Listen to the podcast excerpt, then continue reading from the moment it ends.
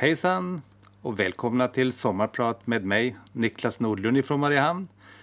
Där jag har fått lite fria tyglar att forma mitt eh, eget program, men där det gavs en vink att jag kan ju alltid prata lite om Aiden och dess situation som jag tidigare valt att värna och upplysa om i media.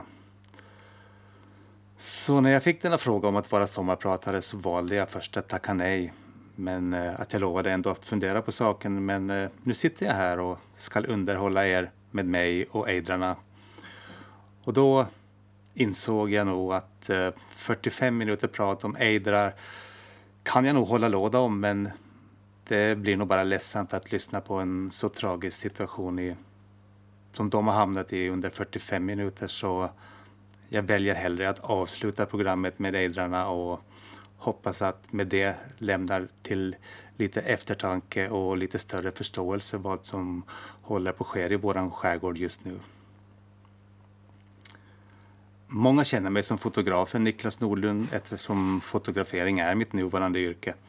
Och eh, där över 6000 människor följer mig och mina fotografier på Facebook. Men eh, för många andra är det kanske mitt liv som aktiv skidskytt i 35 år som många förknippar mig med. Och jag har genom åren haft många intressen, idrotter och hobbys. Men eh, vad som alltid gått som en röd tråd genom mitt liv är att jag alltid dragits till naturen och havet och den frihet och avkoppling den alltid ger mig om vårarna med båten ute i havsbandet. Och det har för mig blivit ett sätt att tanka energi efter en lång mörk vinter. Och redan som barn var fiske en stor passion. Och jag får sällan iväg utan kastspö eller metspö i min hand om jag visste att vi skulle åka någonstans där det fanns strand, vatten, gäddor och abborrar. Och det var nog det bästa jag visste. Men med en far som var ute på långfart och borta två och en halv månad åt gången var jag och mina ett år äldre tvillingsyskon ofta lämnade att lite klara sig själva emellanåt. För hur fantastisk mor jag än har så uppgiften att uppfostra tre stycken barn ensam och dessutom i samma ålder, där den yngsta var jag och full av energi och upptåg. Det, det är nog inte det lättaste. Men det är ändå lite kul att blicka tillbaka i mitt liv och minnas igen allting på grund av sommarpratet. Och som barn var jag full av energi och upptåg.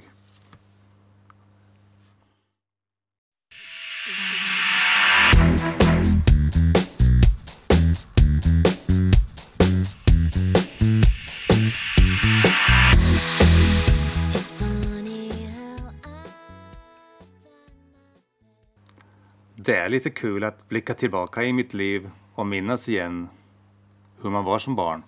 Och som barn var jag full av energi och naturen i alla former intresserade mig. Och jag samlade även på fågelägg och klättrade mycket i träd minns jag.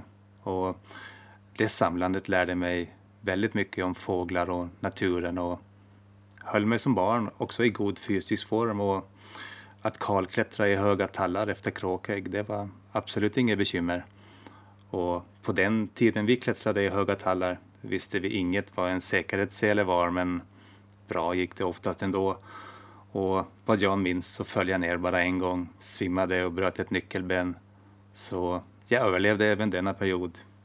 Och just klättring i tallar utan kvistar, det var alltid en utmaning. Och att få ner kråkäggen hela, en helt annan. Och jag minns när jag en gång klättrade upp i shorts och t-skjorta och väl uppe i kråkboet kom på att jag hade ingen mössa att ta ner äggen i så då måste man ju vara påhittigt så jag plockade in några kråkägg i munnen istället och började min klättring neröver. Så när jag hade en meter kvar till marken så släppte jag taget om tallen och hoppade ner och, och vad hände? Jo, det var äggröra av alla kråkägg i munnen och det var ingen höjdare kan jag säga och det gjorde jag bara en gång, märk väl. Normalt hade jag alltid mössan med, med upp till boet och äggen i mössan och mössan i munnen och så. På så vis klättrade man med äggen säkert neråt ifrån träden. En gång, utan min mors vetande, så tog jag cykeln. Jag var kanske tio år gammal och cyklade ifrån Mariehamn till Godby för att se hur många krat och, kråk och skatägg jag kunde hitta på min väg dit tur och retur. Och det var riktigt spännande att smyga in i trädgårdar där skatborna fanns i äppelträden för att se hur många ägg man kunde komma över. Och jag minns att mössan var full med urblåsta ägg redan halvvägs till Godby där jag rövade det sista boet utanför Godby kongresshotell för att se, sedan styra kosan hemåt, nöjd över mitt äventyr och alla mina ägg. Mitt skidintresse började redan som åttaåring och det kom nog från min mors sida som tyckte mycket om sporten och otroligt nog hoppade backhoppning redan på 60-talet i Hammarland och skidade även hon mycket i sin ungdom. Tullarnas äng blev min hemmabana och Hammarspelen vinterns höjdpunkt med individuella tävlingar, skolstafetter med mera. Jag lagade ofta egna skidbanor som går till med enbart mina skidors hjälp och åkte man runt banan tillräckligt många gånger så blev spåren och skidbanan riktigt bra. På den tiden fick en gammal cykelslang duga som bindning över foten ibland och gick den av då reparerade man själv och åkte vidare. Som vid 13 års ålder, då tog skidskyttet fart på Åland. Och jag som älskade både skytte och skidåkning hakade snabbt på denna intressanta sport och jag minns den första tävlingen jag deltog i i Hammarland Kattnäs. Där vi sköt på uppställda lerduvor, fem stycken då. Och jag minns att man med ett skott ibland kunde få två lerduvor att falla ner om man hade tur. För den andra hoppade ibland av spiken på grund av vibrationet av första skottet. Skidskyttet när jag började, det skidade i klassisk teknik. För skate, eller freestyle som det även heter, var inte påkommet då ännu. Men klassisk stil med ett gevär på ryggen och bakhala skidor, det var inget trevligt och fick man ett rejält tjuvsläpp under skidan i en uppförsbacke kom gevärspipan i huvudet som ett brev på posten så när den fria tekniken kom blev det ett stort lyft för sporten. Eftersom jag var ensam junior bland seniorer och hade min far på sjön i långa tider och ingen förälder som egentligen kunde hjälpa mig i min nya sport så fick jag lära mig i mångt och mycket skidskyttet på egen hand genom att se på andra och fråga mycket. Då lärde jag mig också fort. Jag fick också lära mig att alla mina egna skidor som junior så att de blev snabbt lika snabba som det jag tävlade emot. För tävla och vinna, det älskade jag och min vilja att genomföra något jag ger mig in på, den var redan då stark.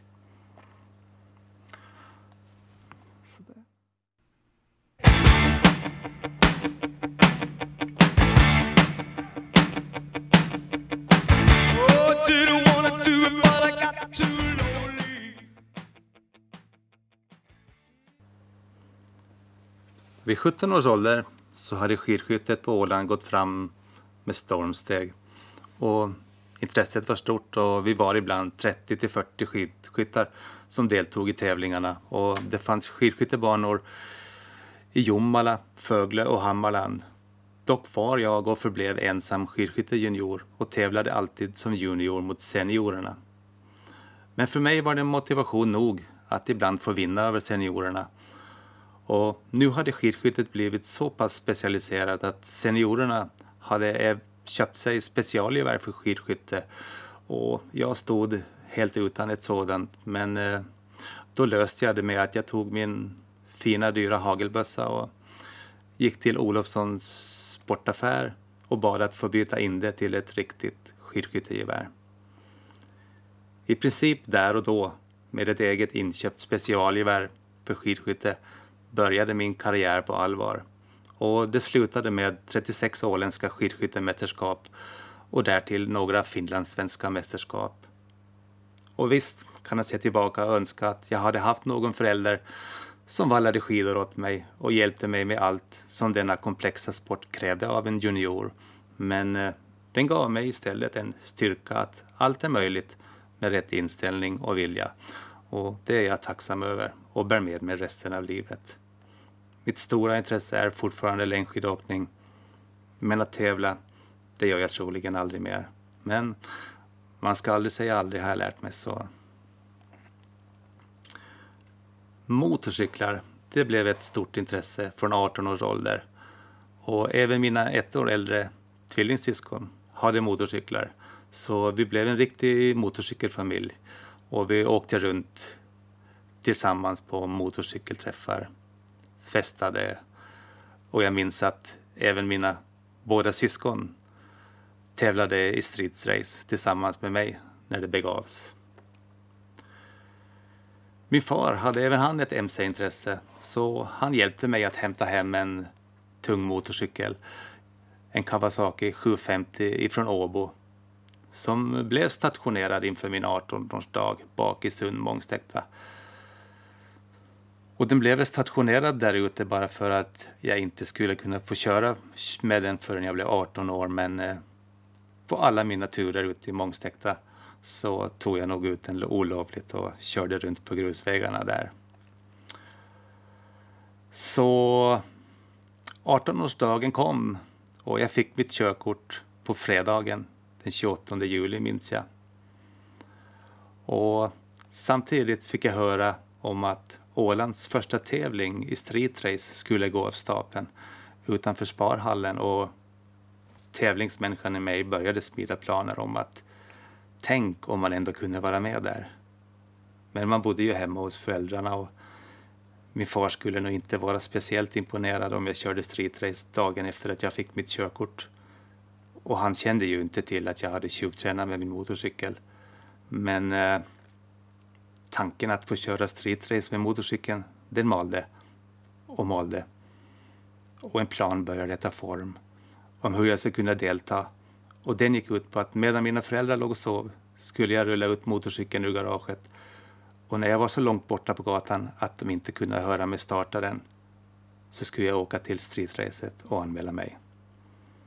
Och allt gick som planerat. Och när mina föräldrar frågade min bror på morgonen var jag var någonstans, då stod jag redan på startlinjen i Ålands första streetrace och vann motorcykelklassen. Behöver jag säga att min far, som gått och satt sig i publiken för att se det hela, inte var speciellt imponerad trots att jag vann. Det förstår jag. Och du kunde inte varit så glad över mina tilltag alla gånger, men jag fick min envishet av dig och min våghalsighet av min backhoppande mor. Så jag blev tyvärr född så här. Och det är nog genetikens spratt bara.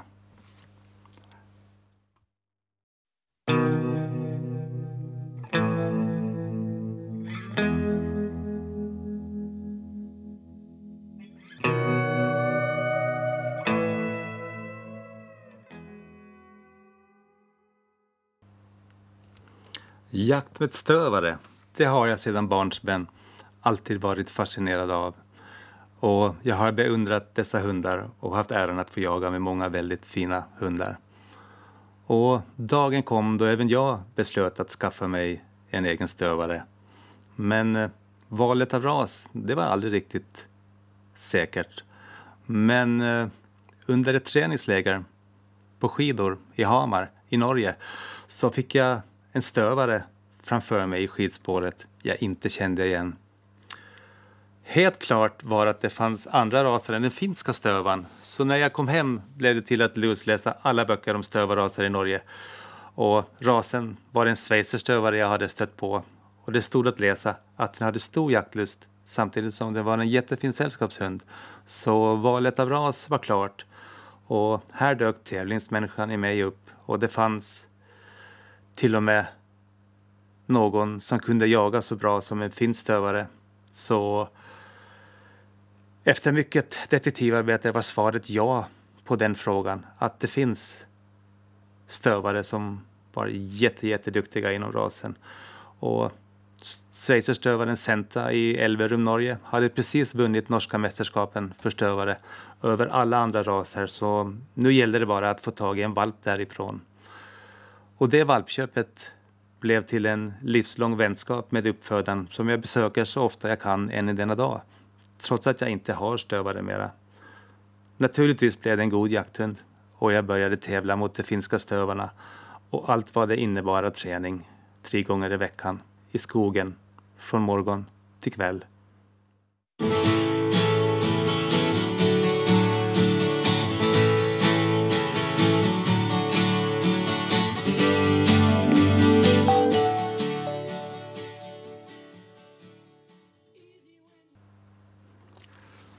Som det ofta är med många hundar som får mycket träning blev även min hund en riktigt bra jakthund. Men eh, tävlingsmänniskan i mig gjorde också att jag förlorade mig själv som ödmjuk jägare i min tro att man kunde tävla i jakt på en hares bekostnad. Och jag skäms så idag över att tävlingsmänniskan i mig tog fram en så bra hund att jakten kom i andra hand och träningen i första rum. Och det var ibland på en hares hälsa och liv som man släpper en vältränad hund som jag hade gjort till en jaktmaskin i skogen. Jag skäms faktiskt så än i denna dag över att jag orsakat harande harar så mycket lidande för min egen egoism och för att visa andra att det finns andra raser än finstövare som kan jaga. Lite detsamma gäller mitt rådjursjagande där jag såg de största bockarna som en utmaning att fälla och istället för uppskattning att bara få se dem och låta dem leva vidare. För varför skjuta skogens vackraste djur för sitt eget stora ego enbart? Så jag skäms idag över hur jag blev och vem jag var. Dagen kom då jag beslöt att lägga geväret på hyllan och fotografera djuren i skogen istället. Och med kameran i handen ville jag bara fånga det vackra i naturen och visa andra hur fantastisk vår natur och landskap är. Och här kom äntligen viljan att lyckas och envisheten till sin rätt. Och nu kunde jag på något sätt gottgöra för mitt tidigare beteende och hur jag förlorat mig själv i min tävlingsinstinkt. För trots allt, man kan inte tävla i något som har med naturen att göra. Och så är det bara. Att finna styrka och glädje i naturen, det är något jag vill kunna göra. Och jag vill verkligen se mångfalden i vår åländska natur. Men just nu känner jag bara mindre och mindre glädje över vad som är på väg att hända i havsbandet med våra sjöfåglar. Och det ger inte samma energikälla för mig längre att vara där ute. Och jag gråter inombords efter turerna i havet ibland då man ser vart det är på väg.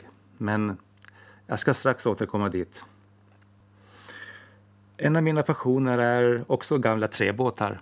Och i takt att mina turer på havet blir längre och längre har även båtarna blivit större och större.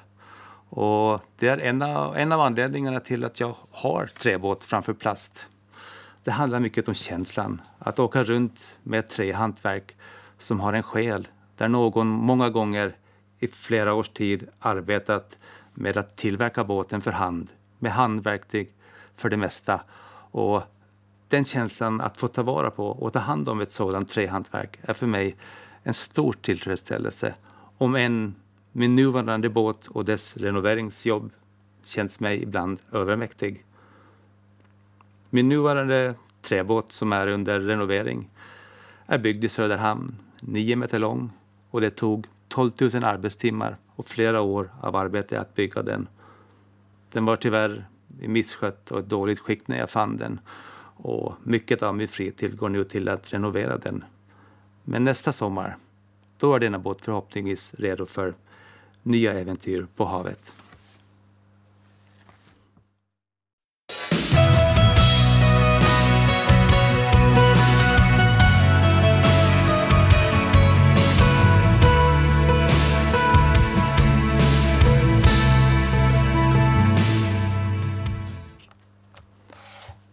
I många år har jag färdats med båten runt Åland och fotograferat skärgården. Somnat och vaknat ute i havsbandet och njutit av vår mångfald av fåglar och djurliv.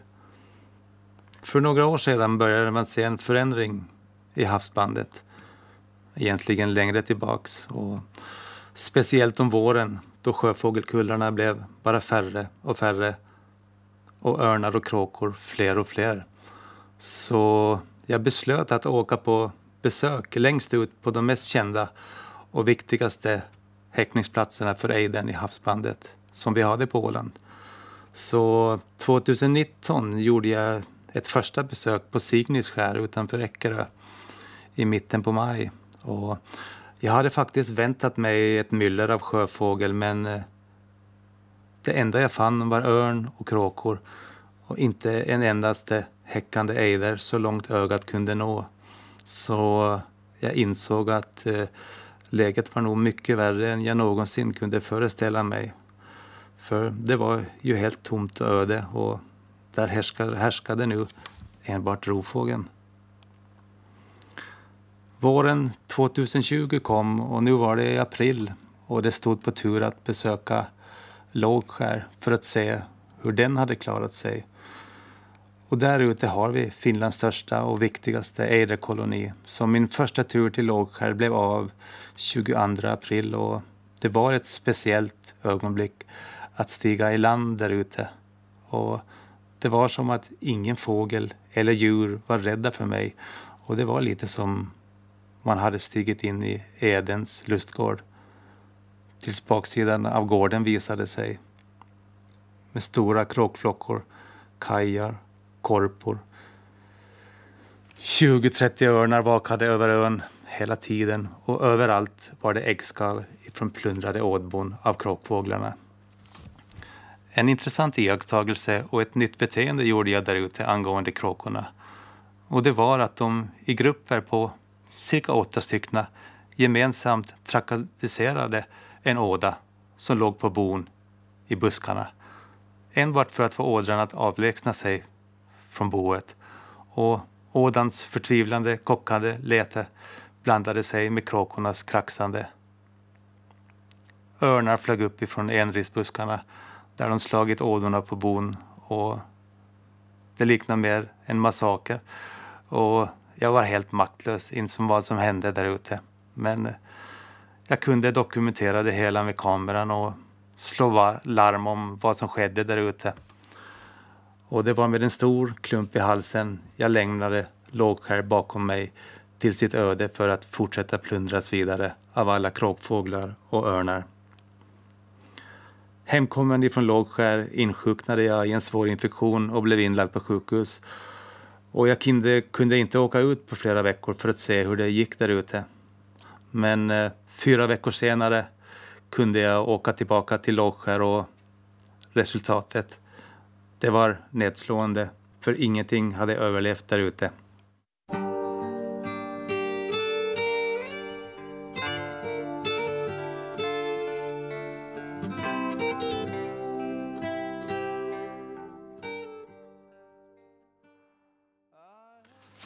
Alla öar ute i havsbandet som just nu inte övervakas dygnet runt plundras av rovfågel och inget överlever. Och det är vi människor som skapat denna situation.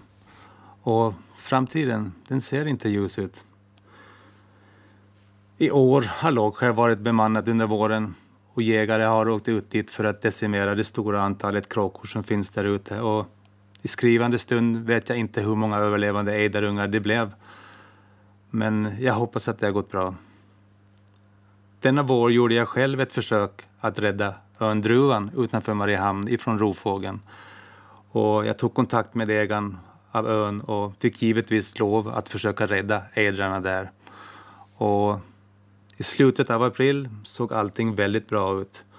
Och när jag vaknade i mitt tält där ute en morgon så hade jag cirka 200 ejdrar runt ön. Det var plittplatt vackert och gudingarna ropade över fjärden. Och det var verkligen en morgon att hämta energi ifrån och njuta av hur vår vackra skärgård kan vara då den är som bäst. En vecka senare hade ett tjugotal ådor gått upp på land för att ruva och mitt projekt såg ut att lyckas. Det kom några dagar då vädret gjorde att jag inte kunde besöka druvan och jag hoppades att vid mitt nästa besök allting fortsatte att vara i harmoni där ute och att antalet eh, häckade ådor ökat ytterligare. Men redan på min väg dit ut mot ön Druvan så kunde jag se att inte en ejder låg kvar kring ön längre och jag möttes av örnar som satt på berget och i träden. En stor mängd kråkor hoppade runt i buskarna.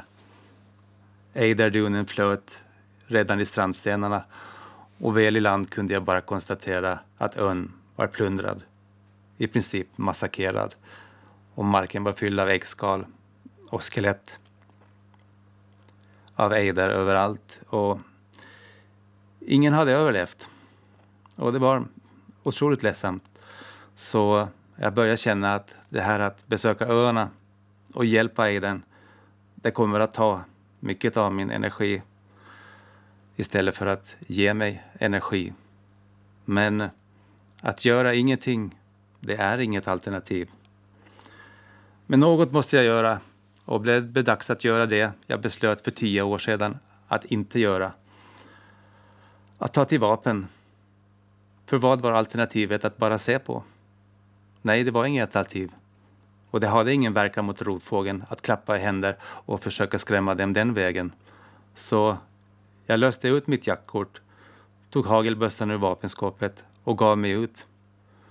Och visst gav det effekt att skjuta någon kråkfågel, men enda skillnaden blev att de flög långt bort på förväg när jag närmade mig druvan och så fort jag lämnade ön var de tillbaka och detsamma gällde örnen. Några ådror kom tillbaka och tappert försökte häcka, men min närvaro, att vara där ibland, räckte inte till och ön plundrades igen och förblev tom och öde och tyst denna vår. Och jag lyckades inte ens få ut en levande unge till vattnet i år. Och likadant är det på alla öar i våran skärgård där människan inte kan närvara dygnet runt. Och hur många kan och hur många har möjlighet till det? Ytterst få är svaret. Så det ser illa ut. Och det är nu kanske dags att börja prata i klartext.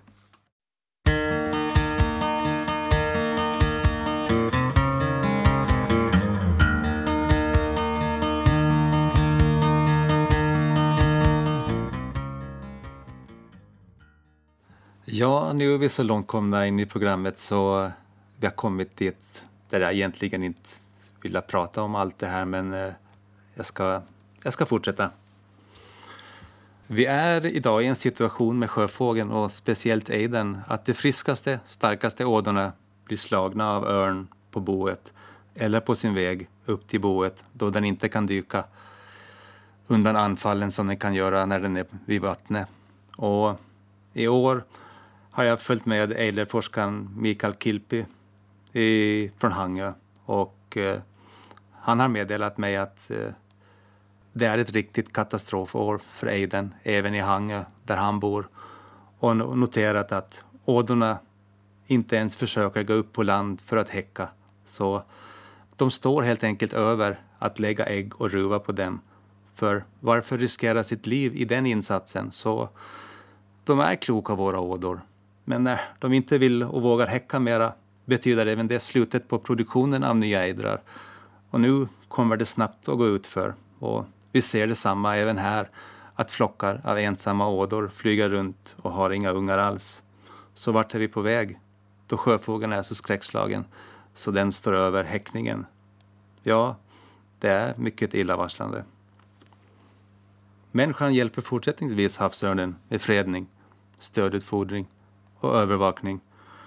Och de flesta människor kring örnen, låt oss kalla dem örnfolket, hävdade 2020 att omgående havsörn och ejder att naturen har bara sin gång och att det kommer att lösa sig naturligt. Ett annat argument är att det är inte örnens fel att ejdern minskar. Det är blåmusslan som gör att ejdern blir svag och ett lättfångat byte av havsörnen. Och jag förstår att man har valt att gå i försvar här för det är av oss människor naturligt att gå i försvarsställning ibland. Men forskningen har idag kommit fram till att visst lider ådorna av lite tiaminbrist på grund av blåmusslan, men att det inte på något vis påverkas deras vitalitet och blir slagna just därför. Jag måste erkänna att jag, som många vet, är djupt besviken på ornitologerna som arrenderar de viktigaste fågelrikaste öarna vi har på Åland och som inte slagit larm om att sjöfåglarna har det så svårt att de inte överlever där ute. För det enda de gör är ju att beskåda det hela genom sina kikare. Och så, så har man tydligen inget ansvar utöver det, eller hur tänkte man?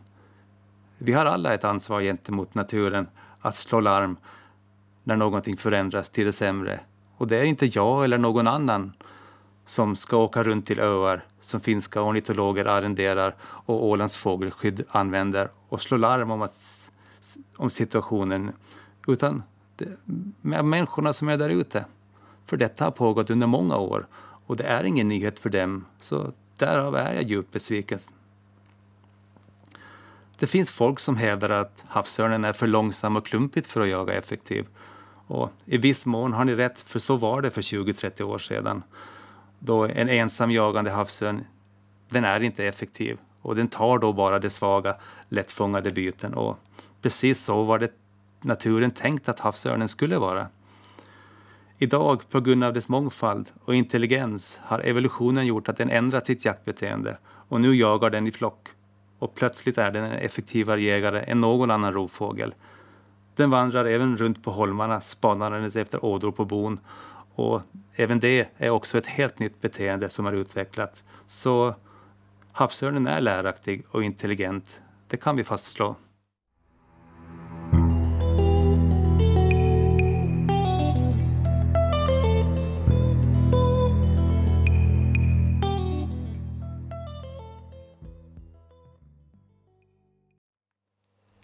En del röster har höjts om att eh, slaktavfallet ifrån rådjur och älgjakt har bidragit till havsörnens ökning. Men eh, det ställer jag mig faktiskt ytterst tveksam till. För beträffande rådjursjakten så fälls nog 95 procent av rådjuren i tätbevuxen skog och i skogen med buskar och träd. Där är väldigt sällan havsörnen. Och maginnehållet av ett rådjur det har mårdhunden ätit upp långt före örnen vågat sig dit och rådjurs maginnehåll är inte prioritet på en havsörnsmeny som föredrar fisk och fågel. Men jag medger att en svulten örn, den äter nog vad den kommer över och många bäckar små så. Men att det skulle ha betydelse för havsörnen, det tror jag inte. Där drar nog kungsörnen nytta av sådant, men den har vi inte här på Åland så. Jag har fotograferat havsörn vid havet och experimenterat med just åtel. Och fisk, det föredrar de framför allt annat. Och oftast vid en ny åtel, då tar det ungefär en vecka före havsörnen vågar sig till åten. Och det är oftast denna turordning av fåglar som gäller. Första dagarna kommer måsar, trutar och kråkor enbart. Och sedan dyker korpen upp. Och när korpen har intagit åten, ja då kommer havsörnen. Och ibland, oftast i stort antal, om något fisk kvar att äta då. Om du lägger ut fisk, typ som stora granna forellfiléer, då kommer örnen garanterat snabbare än om du lägger ut ett trafikdödat rådjur som oftast mårdhunden, räven och kråkorna har större prioritet på. Så lite därav också tvivlar jag på att rådjursjakten har någon som helst betydelse för örnen men som sagt, det är det här med många bäckar små ibland. Så. Ren fakta är att vi i Östersjön idag har 1500 häckande havsörnar. Och det ska alla veta att örnen flyger runt och speciellt de ungarna, unga örnarna fram till sex års ålder som inte gör annat än som Eider-forskaren Mikael Kilpi uttryckte sig. De är som unga tonårsligister som gör rent hus på alla holmar. Och dessa ligister gör inget annat än dra runt och mestadels i flockar och orsakar inget annat än förödelse under häckningen för sjöfågeln.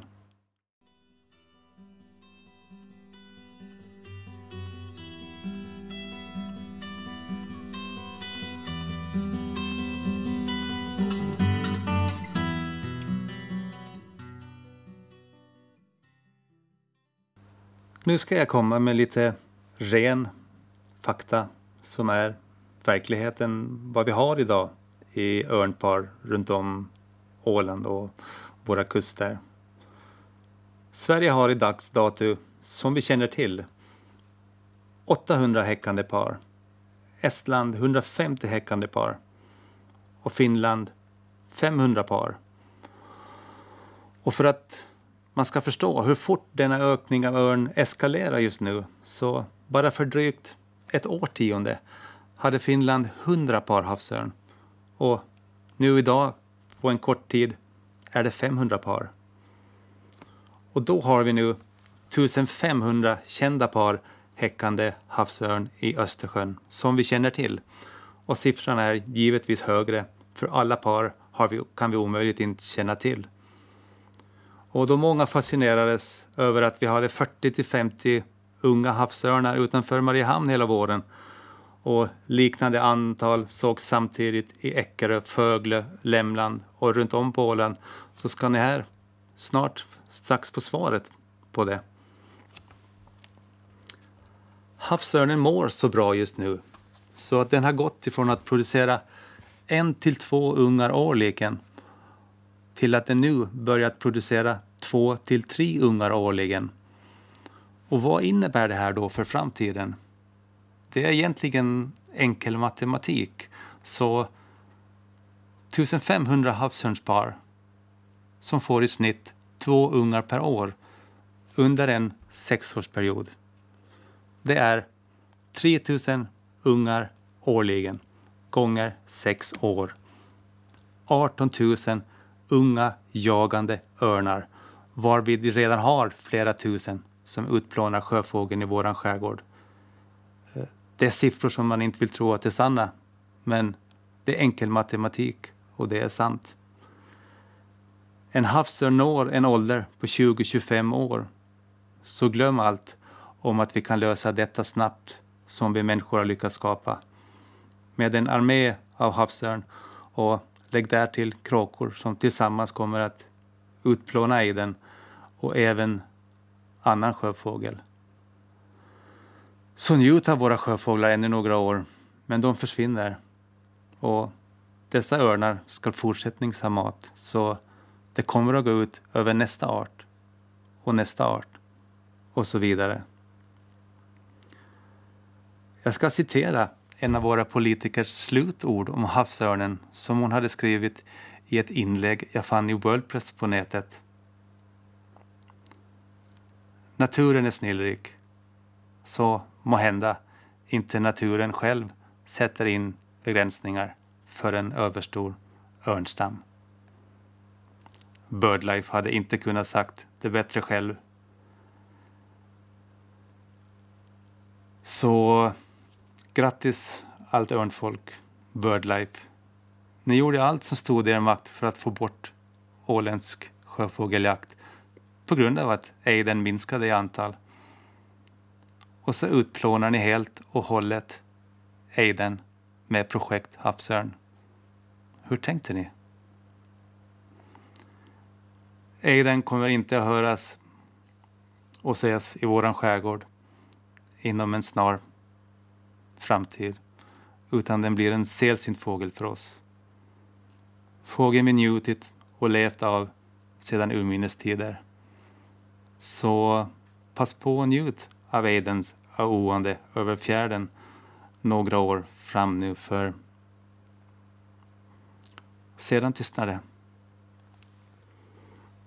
Jag vill härmed tacka alla mina lyssnare och hoppas ni har orkat och hänga med så här långt. Jag vet att det blev ledsamt och tragiskt på slutet men eh, jag ville också få fram budskapet och öka förståelsen för vad som är på väg att hända idag. Så stort tack ska ni ha för att ni lyssnade och en fortsatt trevlig sommar.